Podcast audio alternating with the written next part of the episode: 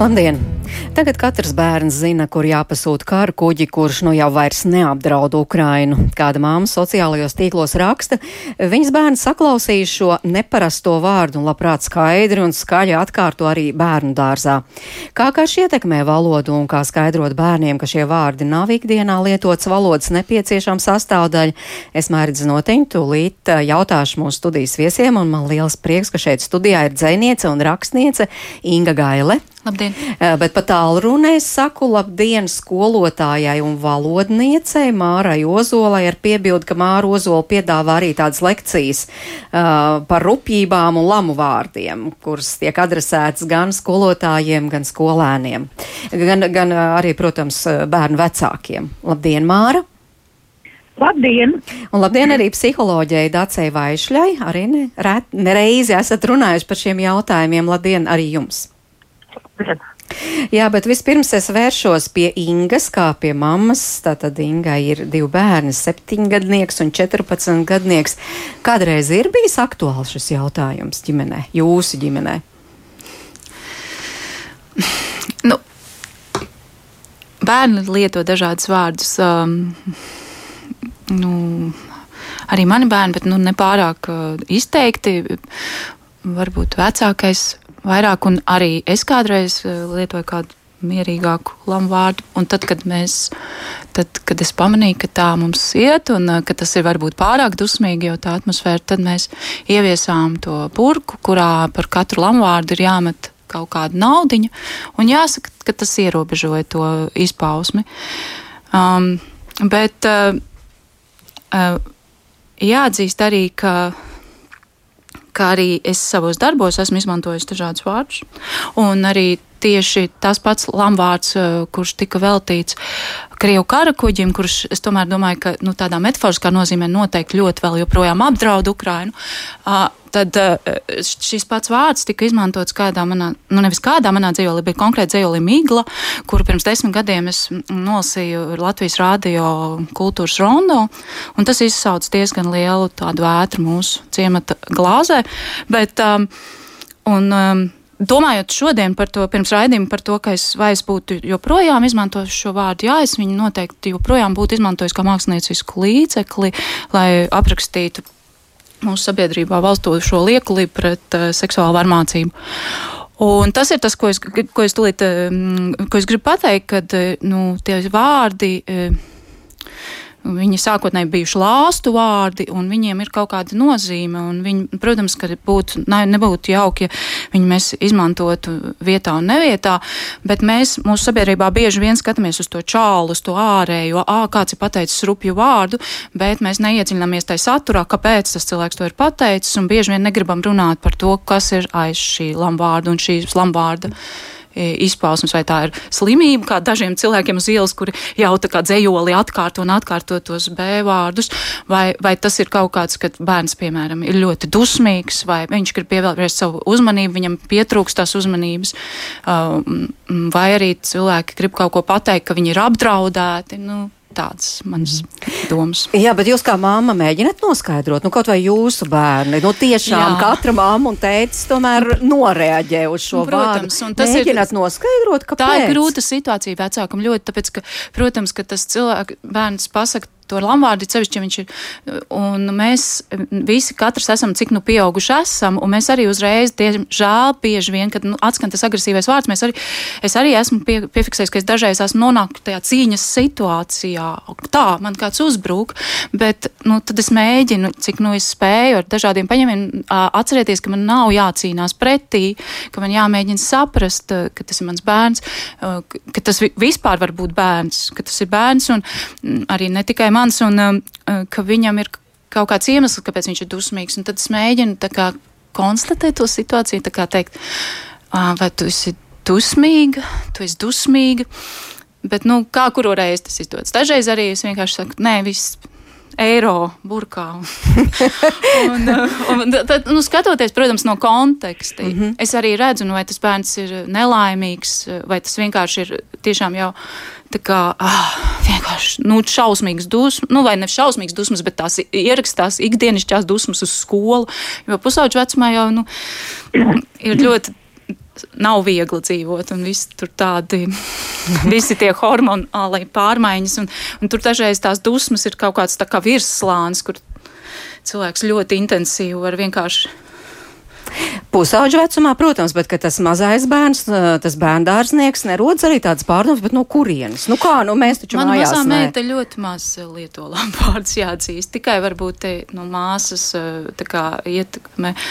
Um, nu, es nē, nu, ja, ja viņa pateikt, nu, es viņai paskaidrotu, ka pirmkārt, jā, es arī esmu skaidrojis arī vecākajai meitiņai agrāk par to, ko tas vārds nozīmē. Mums, ah, pareiz, mums ir, ir bijušas sarunas tiešām arī par to, lūdzu, nelieto to vārdu, jo viņš nozīmē to un to izskaidrot, ka viņš ir izmantots arī ilgstoši, lai pazeminātu cilvēkus, piemēram, vai, vai pazemot, un arī esmu stāstījis par to, ka tie sākotnēji nu, ir lāstu vārdi, un vai viņi tiešām grib, piemēram, ja viņi tagad ikdienišķi viņu izmanto, vai viņi grib mani nolādēt, vai, vai kādu nu, citu, un kas ir tādi nu, ļoti agresīvi vārdi. Jā. Māra, šajā brīdī Jā. jūsu kā mammas, nu, protams, jūsu bērni jau lieli, bet varbūt atceroties tātad četru bērnu mammu, esat arī kā skolotājs pieredzi no savas pieredzes. Par, par šo sastapšanos ar šiem vārdiem. No savas pieredzes uh, man ir jārunā uh, par uh, diviem variantiem. Jo maniem bērniem bija ļoti starp uh, pirmo pāri un otro pāri bija liela gadu starpība. Vecākie auga citos laikos, un tad arī bija uh, visnotaļ pieņemamas, skaitījās arī tādas diezgan skarbas metodas. Uh, Protams, ka bērni šos vārdus lieto, jo tie alaži skan visur, un ja kāds nav no savu bērnu to dzirdējis, tas nenozīmē, ka tas bērns tos nezin vai nelieto citā situācijā. Vecākiem bērniem man labu padomu, ne, bet nu praktiski pielietoja mana mamma, tais laikos bija tādas zāles kā šķidrais kaļķis, ko visnotaļ ieteica arī bērniem zobu un kaulu stiprināšanai ļoti negaršīgs, rūkts. Un, ja kādam kaut kas tāds paspruka, tad tūlītās pudele bija priekšā, tā mutīte slima. Un karotīte zāļu bija jānorī. Ļoti efektīvi tas bija. Tiesa gan tur bija blakus efekts, kad omītei kaut kas paspruka, tad mazais puika piecgadnieks ar pudeli bija klāt kā likts un omītei nācās zāles dzert. Nu, vietu dabiskā kārtība. Bet ne cik es ne no lielājiem, ne no matajiem neesmu dzirdējusi. Uh, nu, viņi vienkārši pietiekoši saprata, jo skolā es strādāju un bērni mācījās te pašā skolā. Ikdienā viņi saskārās praksē ar citiem, viņiem nebija vajadzības izmēģināt nepatikšanas pašiem uz savas ādas. Mm -hmm. nu, bet vai tur uh, nav tomēr liela atšķirība tas, ko bērni runā mājās, īpaši jau par lielākiem bērniem, un tas, ko skolā jūs kā skolotāji to novērojāt? Nu, bet, protams, ja vecākiem pasaka, kādus vārdus viņi mīļulītes lieto, tad bieži vien bija pirmā reakcija tikai un vienīgi ne, nekādā gadījumā viņš nemaz tādus nezina un tam līdzīgi. Tas ir pilnīgi dabiski. Un īstenībā, ja tur kādam pusaudziem savā vidē pašiem vien esot, gribas kaut ko rūpju pateikt, jo tas ir aizliegts un tas ir baigi krūti un tā, aber lūdzu, Bet tikko tuvojas meitene, mazāks bērns vai vecāki vai skolotāji, nu, kā pieaudzis cilvēks. Tā uzreiz nuteciet un tādi vārdi nevienu solīti no mutes ārā netiek. Nav jau vārdiem vaina. Visi vārdi ir vajadzīgi, derīgi. Jautājums tikai kad, kur, kādā sabiedrībā un kāpēc tos lietot. Piekrītat eh, psiholoģijai. Tagad vēršos pie Dācis psiholoģis. Jā. Tātad, kad, kur un uh, kādās situācijās tos lieto? Jā, es noteikti piekrītu, ā, ka tā ir, vārdiem nav nevainas, tikai kad un kur tos lieto. Un par maziem bērniem, ja mēs runājam, tad mazi bērni mācās un apgūst, un ir dabiski, ka viņi grib izprovēt arī, kā tas vārds skan. Un ka manas pašas dēls pirmā klasē nāca no skolas mājās, man likās, saka, Dievs, es skolā vien dzīvošu, tagad kādus vārdus viņš ir samācījies. Uh, bet viņš tos izprovēja un, un, un nomierinājās un paņēma savā savā bagāžā un, nu, protams, pareizai arī lieto, bet, nu, taisni tur, kur vajag. Un uh, ir, ir jāiemācās tā lieta, kur, kur vajag un kur nevajag lietot. Un savukārt mazmeita man pirmos slamu vārdus pateica tad, kad viņa vēl īsti nemācēja runāt, nemācēja citu, citus vārdus, bet vienu sulīgu lamu vārdu viņa pateica. Un uh, tad es noskaidroju, ka tas ir no ļoti emocionālas situācijas ģimenē, kur tēti šitā ir pateicis. Un tur bija tik daudz emocijas klāt, tik daudz, nu, tur bija tāds notikums, ka bērnam tas ļoti iespiedās, viņš to bērnu tas ļoti ietekmēja.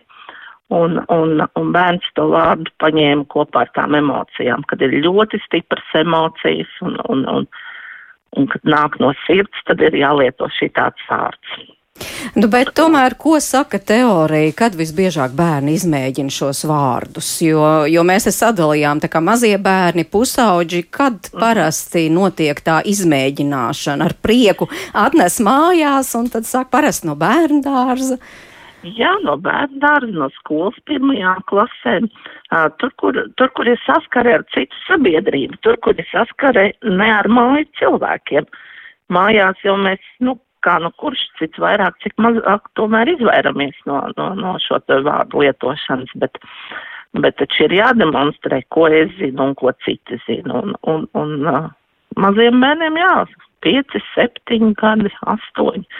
Īstais laiks, kad visu visu jauno nest mājās un lai vecāki ar prieku novērtē, ka ir iegūtas jaunas zināšanas.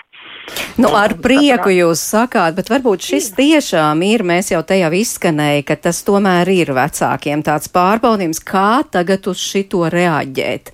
Jūs sakāt ar prieku, te izskanēja visdažādākās versijas, kā Inga teica, viņiem, piemēram, mājās ir šī burka, un tad par mhm. katru tādu vārdu, nu, tad metam burkā un uh, ceram, ka ka turpmāk tas vārds vairs neizspruks, vai arī tepat izskanēja no Māras puses tā, tā pieredze, ka Omīte lika dzert tās rūgtās zāles. Jā, tas likās diezgan Jā. traki. nu, tas traki, bet starp citu es arī es pirms tam paskatījos, eh, kas par šo ir rakstīts, un kad, protams, arī ļaudis apspriežās tur sociālajos tīklos, un tur parādās tādas metodas, piemēram, izmazgā bērnam muti ar ziepēm. Jā, šausmīgi, tā ir diezgan varmācīga metode, es teiktu. Tas ir, nu, tas ir tā kā varmācīga par to bērnu, bet nu, es, nedo, es par to burbuļu nedomāju, ka viņi beigs tos lietot. Vienkārši tas, ka mēs viņu izmantojam vairāk kā, kā piefiksēt to situāciju. Ka, nu, tas varbūt nav tas vārds, kur mēs visu gribam dzirdēt, lai viņi piefiksētu, uh -huh. kā mhm. iepauzētu. Ah, ok, šis varbūt mums nevajag lietot to, bet pastāstīt, kas patiešām ir noticis. Un es domāju, psiholoģi teica, ka ar prieku, un man liekas, ka tajā ir kaut kas priecīgs. Nu, tajā situācijā, ka tas, piemēram, tā mazā meitenīte, viņa ir pat dabūjusi laukā no sevis un kaut kādā veidā pastāstījusi par šo trako situāciju. Jo trakāk un sliktāk man šķiet, ir, ja bērns e, nekādā veidā nepastāsta un nesā sevi, un varbūt viņš ir perfekts un visi vārdi ir kā no grāmatas, bet nepastāsta par tām savām emocijām, kas viņu moka un kas viņu Um, un es domāju, ka tajā ir kaut kas priecīgs, ka bērns ir parādījis, ka viņš ir dusmīgs, vai ka viņš ir nelaimīgs, vai ka viņš, nu, tas ir nu, mhm. novērtējums kā priecīgs notikums. jā, jā Dāce. Uh, nu jā, tieši tā. Uh, mēs, uh, nu, mēs gribam, lai bērni kaut ko iemācās. Nu, ja viņš pēc savas iniciatīvas ir iemācījies to, kas mums nepatīk, tā jau ir mūsu problēma, ka mums tas nepatīk. Uh, un, un, uh, ir jārunā par to pēc tam, kur to lietot, ko tas īsti nozīmē. Ja bērns saprot īsti to nozīmi, viņš pats saprot, ka viņš šitādu vārdu negrib teikt. Un, bet tā pati iemācīšanās, tā pirmreizējā atnešana mājās, man liekas, tas tiešām nav nekas nosodāms. Un mums jāpieņem zināšanā, ka mūsu bērnu leksikā tagad šāds vārds ir. Un, un tālāk runājam par to, kad lietojam un kad nelietojam. Un savukārt, ja tas ir saistīts ar spēcīgām emocijām un, un vajadzību izpaust tās spēcīgās emocijas, tad lama vārds ir diezgan vietā. Tā tad mierīgi, kā jūs sakāt, ar prieku tādai būtu jābūt tai vecāku reakcijai. Nu, pašai pirmajai, jā. Un Bet pēc tam? Nevajadzētu, pēc tam nevajadzētu ar to apmierināties. Vajadzētu pārunāt, kad, uh, ko tas nozīmē un kādās situācijās lietot. Tas ir labi, ka tu to zini, bet ne viss, ko tu zini, ir uzreiz jālieto. Un, un jā, tur varbūt, ja pārāk gribas tos vārdus lietot, tad, nu, burku es atzītu. Burkā, burkā, jā, burkā var mest. Vienīgi tie bērni jau to nav, to eiro nepelna. Uh, bet, bet kaut kādā veidā, nu jā, to ierobežot, piefiksēt noteikti vajag. Līdz, līdz nāk pusauģu vecums, kad nāk otrais pārbaudījums, kad ir, um, tur ir citi noteikumi, kāpēc, kāpēc pusauģi lieto šos te lamu vārdus, tur vajag tur vajag iekļauties savā grupā, tur vajag nostāties pret, pret citiem, pret sabiedrību, pret kaut kādiem noteikumiem. Nu, un tur ir atkal noderīgi lamu vārdi.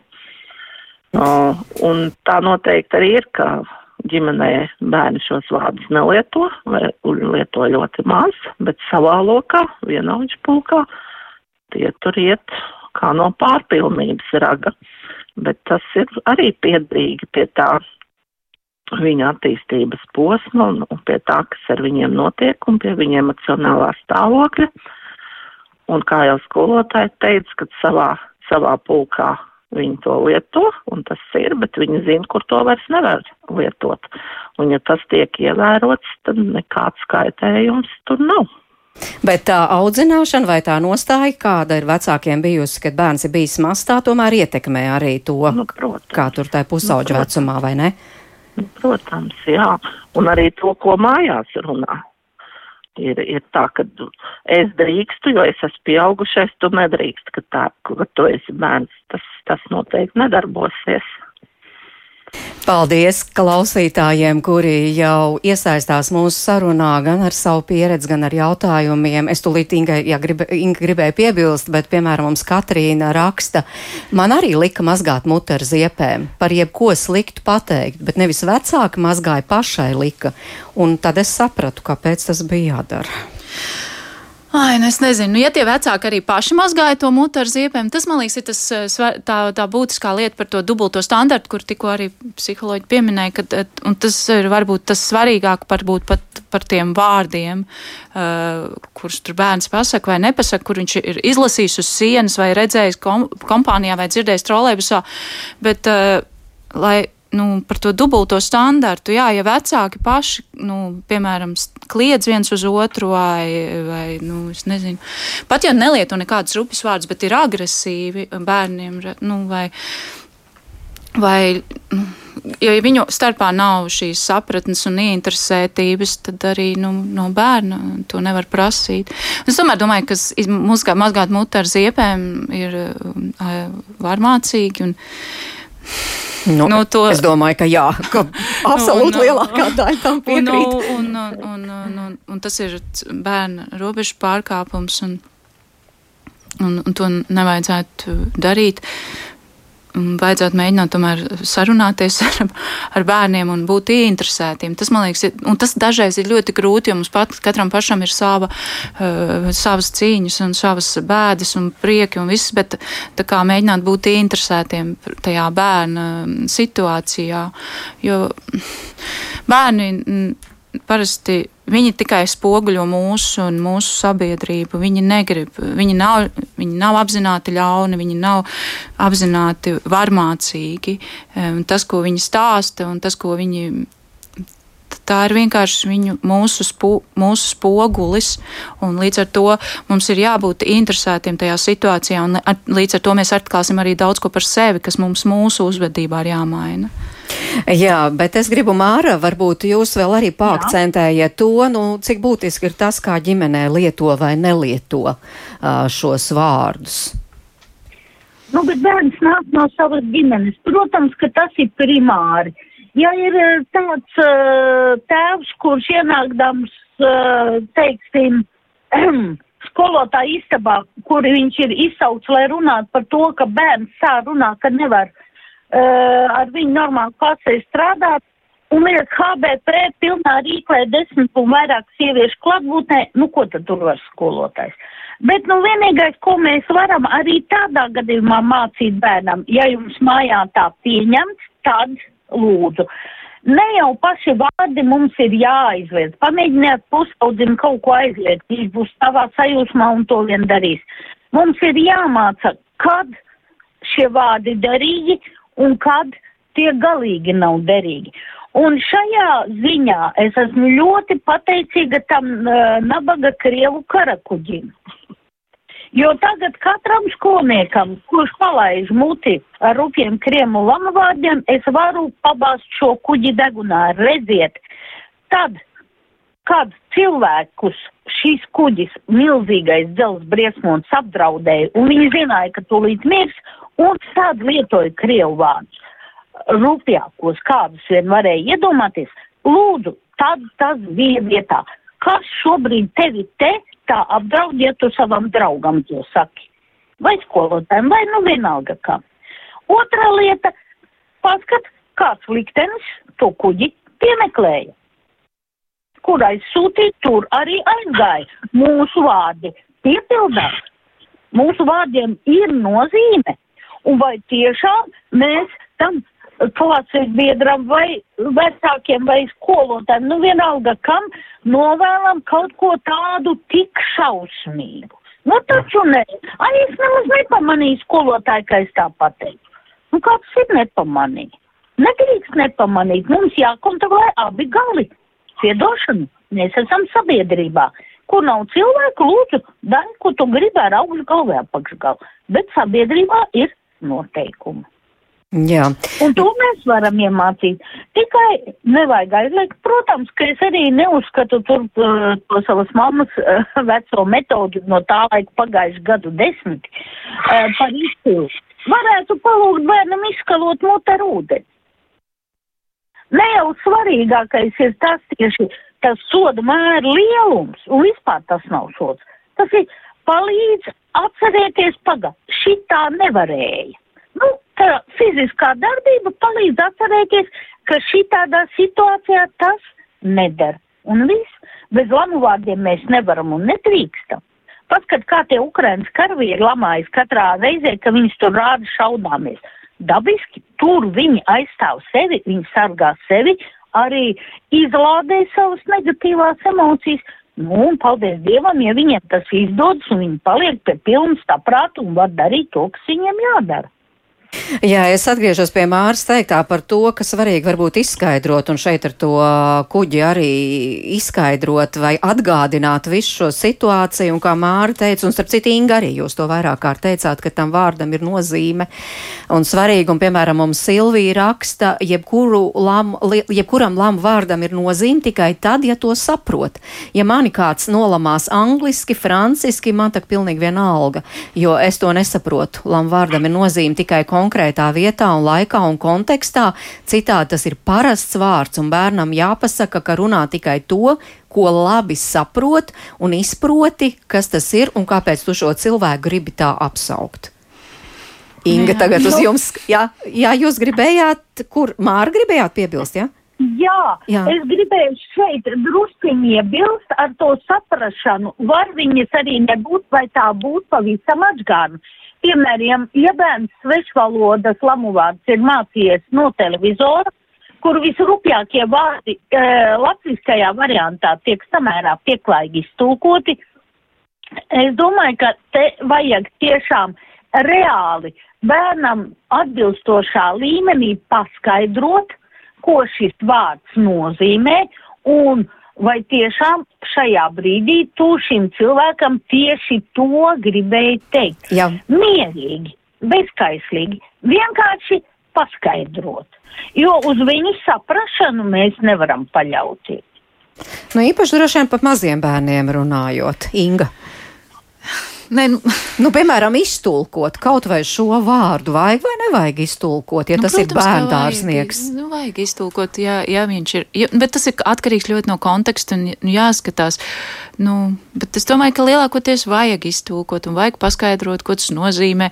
Uh, nu, jā, bet uh, un arī es, es man liekas, ie, ie, ieskanējās ļoti būtiski tēma par to, ka uh, tie, tajā, tajā kara kuģa situācijā tā bija ārkārt, nu, nu, tā bija drosme, cilvēki bija drosmīgi, jo tā bija nu, arī kaut kādā ziņā pārgalvīga, bet tā bija drosme. Um, nu, bet arī nu, mēs, mēs, man liekas, bišķi iestrēgstam uz to, uz, tiem, uz tām vārdi, kādu vārdu lietot. Mums pēdējā laikā, it sevišķi vēl pirms kara, arī tur bija mēs tērējam stundas un dienas, lai runātu eh, par to, kādu vārdu lietot, vai to drīkst lietot, vai N vārdu drīkst lietot, bet mēs tā kā paliekam tajā virslānī, ne, ne, nerunājot par to saturu, kas, eh, kur ir tā problēma par bērniem. Mēs esam pirmajā vietā Eiropā, cik es saprotu, mobbingu uh, ziņā skolās. Um, un tā, tā ir problēma. Un, un, un, un nevis, vai mēs lietosim ēnu vārdu vai nē, nu, šajā gadījumā.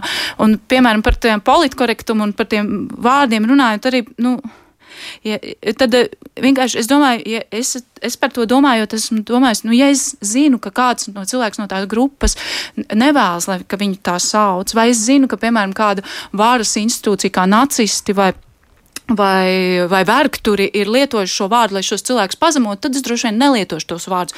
Bet tas, nu, mēs, mēs bieži patērām tik daudz laika, lai diskutētu par, par to čaulām, bet nevis par eh, to, piemēram, ka pie mums ir diezgan augsta homofobija, par rasismu, par postkoloniālismu un tādām svarīgām lietām. Bet nu, šajā gadījumā par bērniem runājot, eh, tad, tad jā, es domāju, nu, tur ir jāskatās pēc katra eh, konteksta, bet nu, man šķiet, ka tiešām bērni ir um, enerģiski un nikni bieži vien, bet viņi nav pārsvarā, nu, viņi nav ļauni, ar viņiem var runāt, viņiem var izskaidrot, kas, ko tas vārds nozīmē, jautāt, kāpēc tu tā saki, nu, runāt par to saturu, kas tur ir zem tā vārda.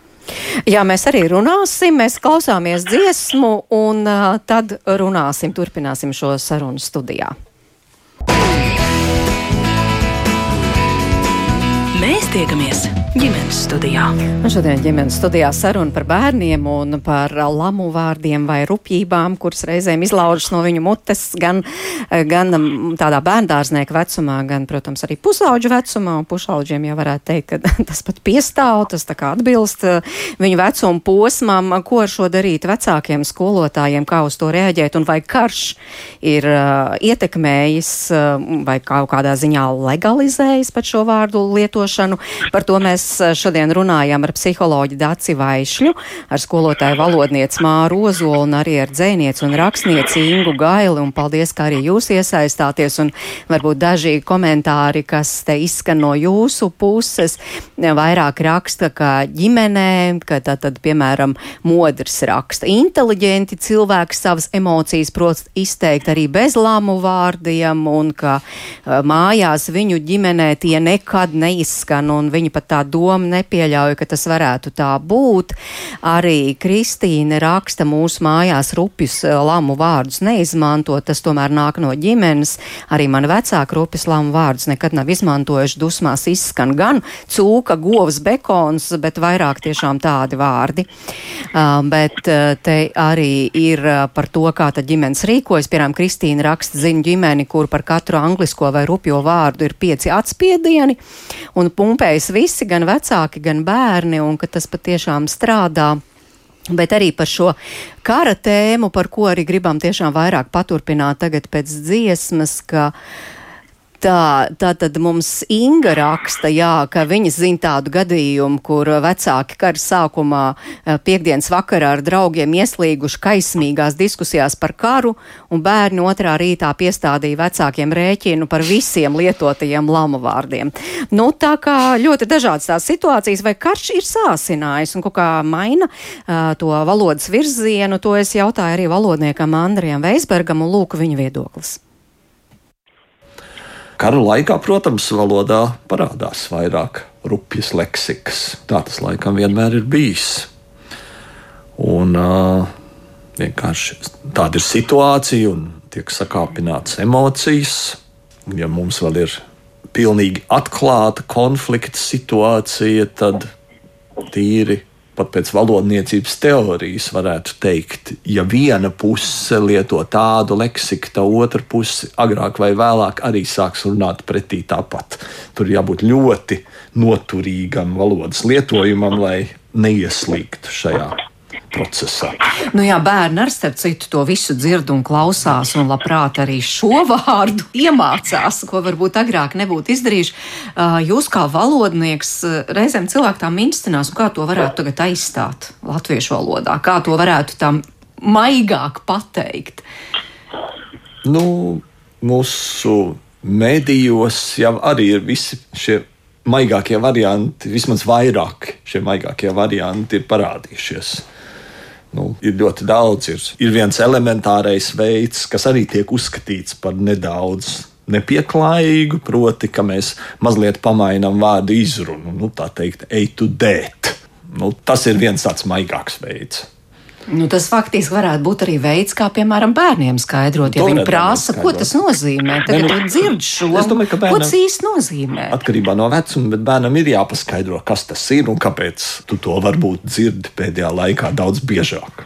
Nu, bet šie ir laikam tādi brīži, ka valoda kaut kā atkal pamainās, tajā kaut kas kļūst uh, populārāks, kaut kas ienāk. Nu, mainās visu laiku, nu, notiek zināms sāsināšanās, jeb nu, notiek Dažreiz ir tāds smalks termins, laika sabiezināšanās vai pātrinājums. Nu, tā tas notiek, jo mēs jau nezinām, piemēram, arī ar ko beigsies šis karš. Ja, bet nu, ir skaidrs, ka ir tāds pēkšņs izrāviens, ka daudz kas strauji mainās. Nu, tāpat arī valodā, kas to atspoguļo. Tā varbūt vecākiem nevis satraukties, ka rekā mans bērns tagad sāk šitos vārdus atkārtot. Es nedomāju, ka vecākiem ir šausmīgi jāsatraucās, ja bērns kaut kur kaut ko ir noklausījis un to lieto par to var parunāt.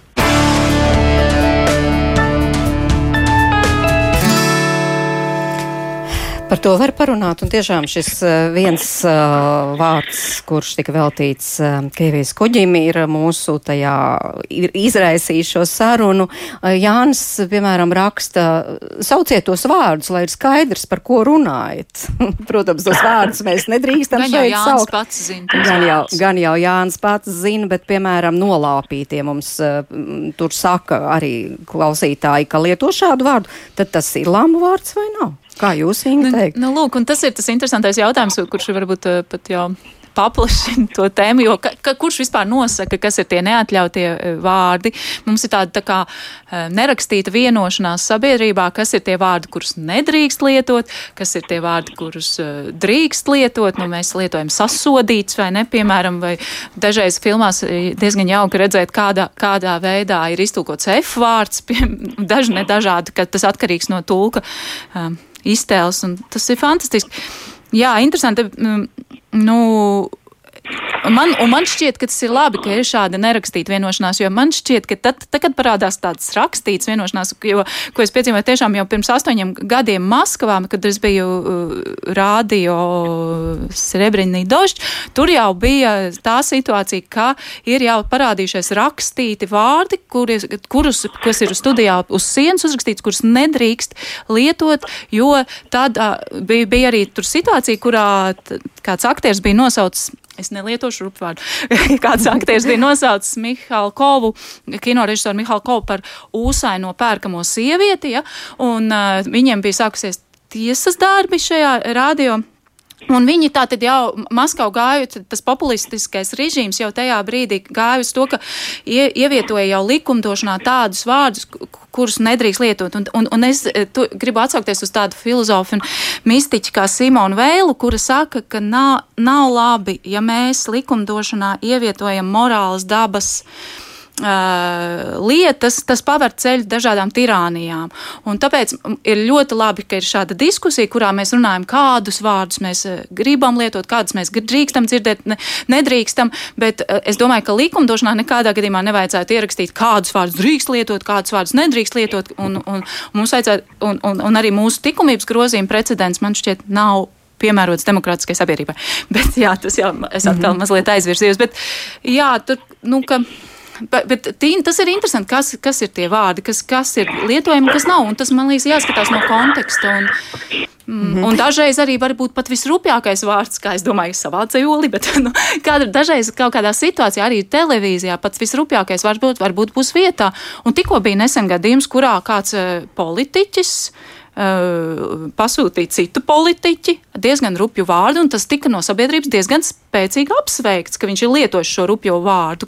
Kaut arī pirms tam viņš bija zināms kā diezgan, vai arī joprojām tiek zinām, ir zināms kā kāds inteliģents cilvēks, kā tur izteicās kāds klausītājs. Tas gan man atgādināja mazliet kaut kādu anekdoti par to, ka ka es esmu inteliģents cilvēks un emocijas man nav. Vai, nu, tur bija kaut kāds tāds temats. Mm -hmm. nu jā, jo ar emocijām mēs to tomēr saistām ar tādu emociju jā. izlādi. Jā, bet nu, jūs savā ģimenē tad esat kaut kādas sarkanās robežas, kuri vārdi tad jā un kuri tad paliek ārpus tām robežām? Nē, nav tāds. Mums ir diezgan plūstoši mēs runājam no situācijas. Nu, es, bet, protams, es nezinu, ja man kā, kāda no meitām sāktu tiešām ļoti rupji runāt. Nu, es tur, es no, nu, droši vien, nē, mums nav nekāda tāda mm -hmm. robeža, kuras nedrīkst. Dace?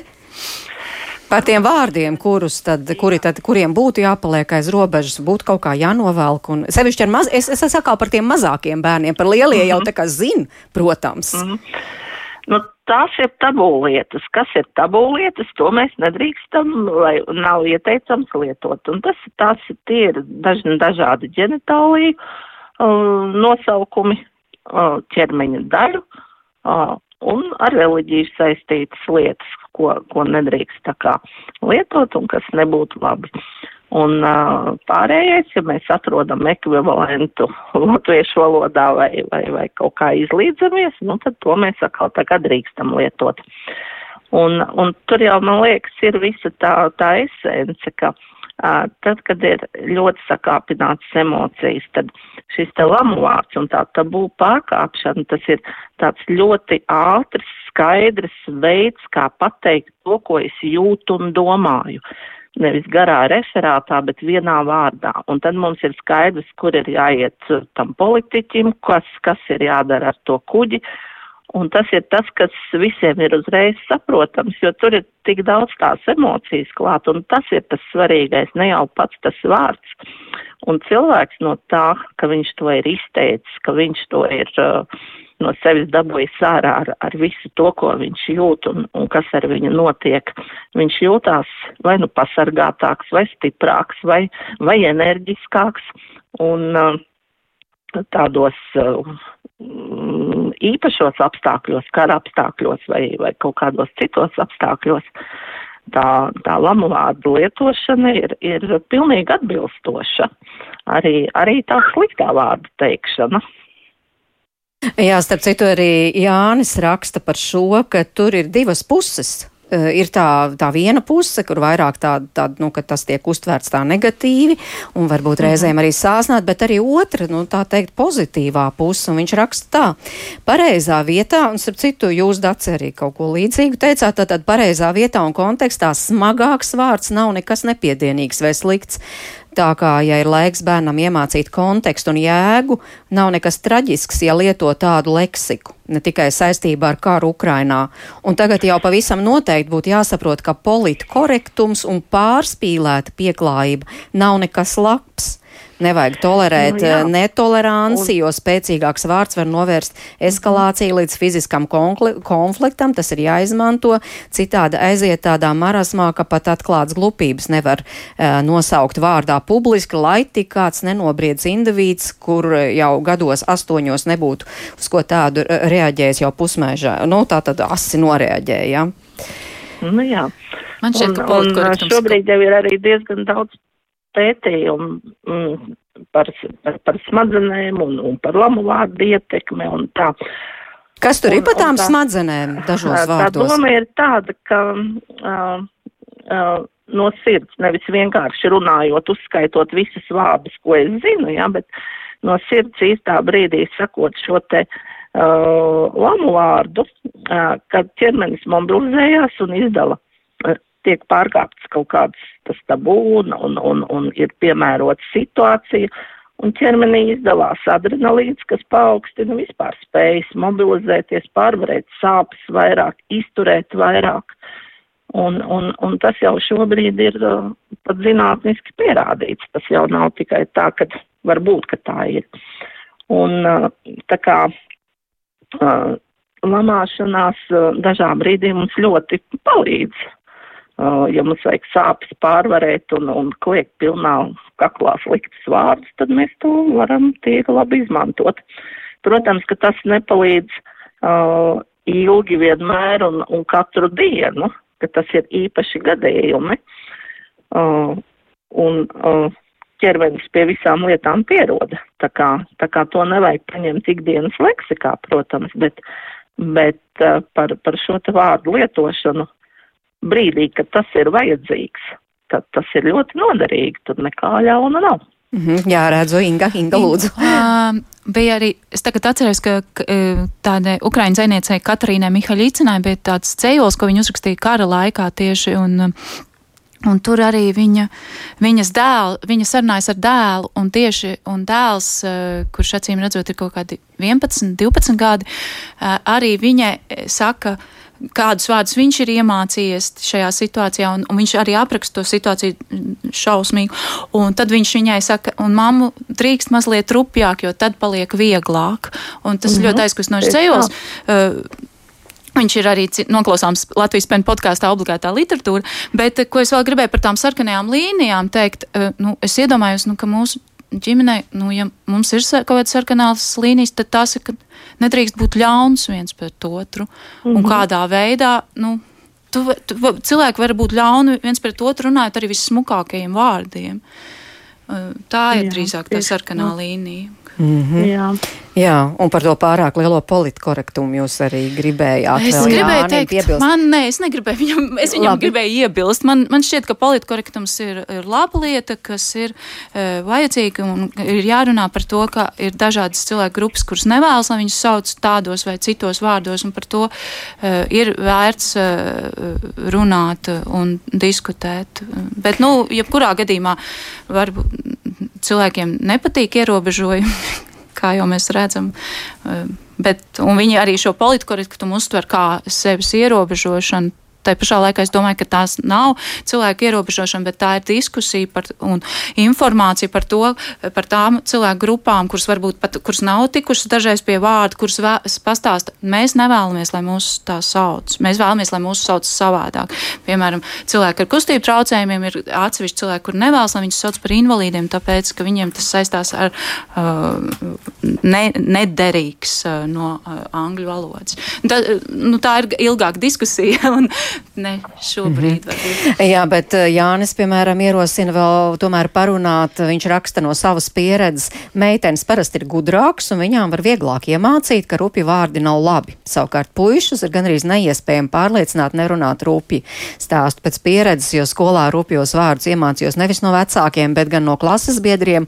Vecāki pat nezināja, ka tādus zinu, mājās nekad rupi nerunāja, bet puišu kompānijā nemācēja runāt eh, eh, tātad tad, un, nu, bez, bez šīm rupjībām. Tagad mani dēli, kuri arī ir pamatskolnieki, arī zina visus rupjos vārdus.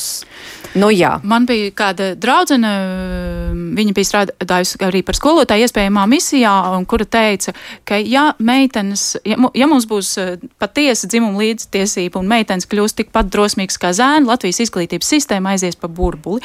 Es domāju, ka meitenes nevis ir gudrākas, bet viņas ir paklausīgākas, jo mēs mūsu kultūrā pēc iespēja, mēs, mēs viņas uzreiz, kā viņas piedzimst, sākam stāstīt, kā viņam jāuzvedās, kādām viņām jābūt klusām un tam līdzīgi. Un tāpēc viņas nelieto rupjos vārdus. Zēniem ir vairāk varas, un viņi tāpēc lieto, uh, nav tik paklausīgi. Māra, ko jūs piebilst tepatajiem puišiem un meitenēm? Puišiem un meitenēm tieši. nu, Jānis rakstīja, ka puiši bija. Jā ka, ziniet, ausis šūpojas. Un uh, savās lektēs es tad arī tieši pasaku, kā šie vārdi ir tikuši lietot, kā tos lietoja vai nelietoja puiši meitenes, ko šo vārdu lietošana nozīmē, ko zemtekstā ar tiem vārdiem meitene vai puisis pasaka. un skolēni to uztver visai labprāt. Un vēl es gribēju piebilst par to situāciju, ka tagad tā kara situācija ir palīdzējusi arī ko labi izdarīt ka mums ir lietas jāsauc īstajos vārdos. Mēs nevaram vienmēr tēlot kaut kādus mistiskos labiņos un runāt riņķī un apkārt. Un ja kāds uzvedas cūcīgi, tad teikt, ka viņam ir nestandarta uzvedība vai kaut ko tam līdzīgu. Nē, ir lietām savi vārdi, ir vārdiem sava nozīme, un pat ja mēs to nezinām, šī nozīme ir. Un ja mēs to lietojam, tad vārds dara savu darbu. Protams, ka nav nozīmes uh, to bārstīt pēri uz cūkām priekšā un skaisti runāt metaforās ar cilvēku, kas tālāk par HBP uh, vispār nemaz uh, nav dzirdējis. Nu, ko es ar savu pieklājīgo valodu izdarīšu? Es saku tā, kā viņš saprot, un viņam viss ir skaidrs, kur problēma. Problēmas nav. Problēma ir tā, ka mums ar bērniem un jauniešiem ir jārunā un jārunā un jārunā un jāskaidro, kāpēc šoreiz šīs konkrētais vārds der un kāpēc tajā situācijā tas neder. Nav jau jāgaida, kamēr bērns kaut ko pasaka. T tie vārdi taču mums skan visriņķi apkārt. Bērniem ir ausis, nelaime, uh, ka viņi tās ausis aizlūk cieti, jo nav vajadzīgs. Mēs viņiem nerunājam. Jā. Bet tam ar pašiem vārdiem nav nekāda sakara.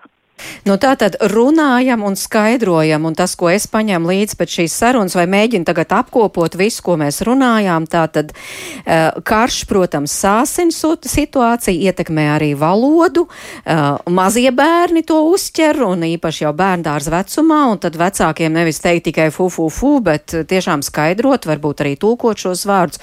Pusauģu vecumā arī ir vērts ar pusauģiem aprunāties, uh, kā te izskanēja.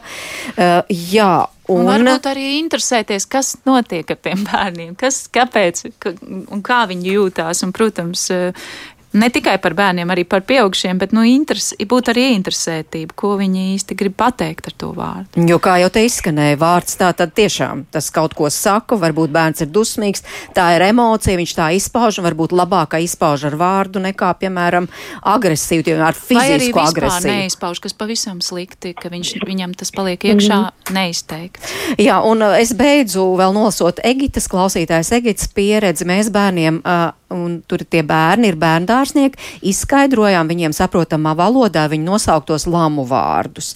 Un e, vēl pāris reizes pieteicām tas, ka jūs zināt šos vārdus, tas nenozīmē, ka tie ir jālieto. Ja uzradās jauni svešvārdi, lamu vārdi, tad tos paskaidrojām, un šobrīd zēniem ir 13 gadi un 11 lamu vārdi netiek lietoti, un mūsu ģimenes vārds ar, ar nu, tā tad, jā ja kāds nav izdarījis kaut ko pavisam labu, tad nevajadzēja tā darīt, un tas tiek nosaukts par žurku. Jā, nu tā tad šie vārdi kļuvuši maigāki vai arī nelietot vispār. Nu, lūk. Paldies jums uh, par šo sarunu. Gan klausītājiem saka, kura neklātieni iesaistījās, gan arī uh, mūsu viešņām Dacei Vaišļai, Mārai Ozolai un Ingai Gailei. Raidījuma producenta Ilza Zvaigzne un es mērķis notiņa bija šeit pie mikrofona. Un uh, paldies, protams, ka klausījāties. Un es vēl gribu atgādināt, ka Latvijas radio saturs tagad pieejams arī mobilajā lietotnē. Un tā tad var leju pielādēt aplikāciju un klausīties visu, gan ģimenes studiju arī, gan arī jaunākos ziņu apskats un citus raidījumus, arī mūziku starp citu. Tā kā tiekamies atkal nākamajā raidījumā paldies, ka klausījāties!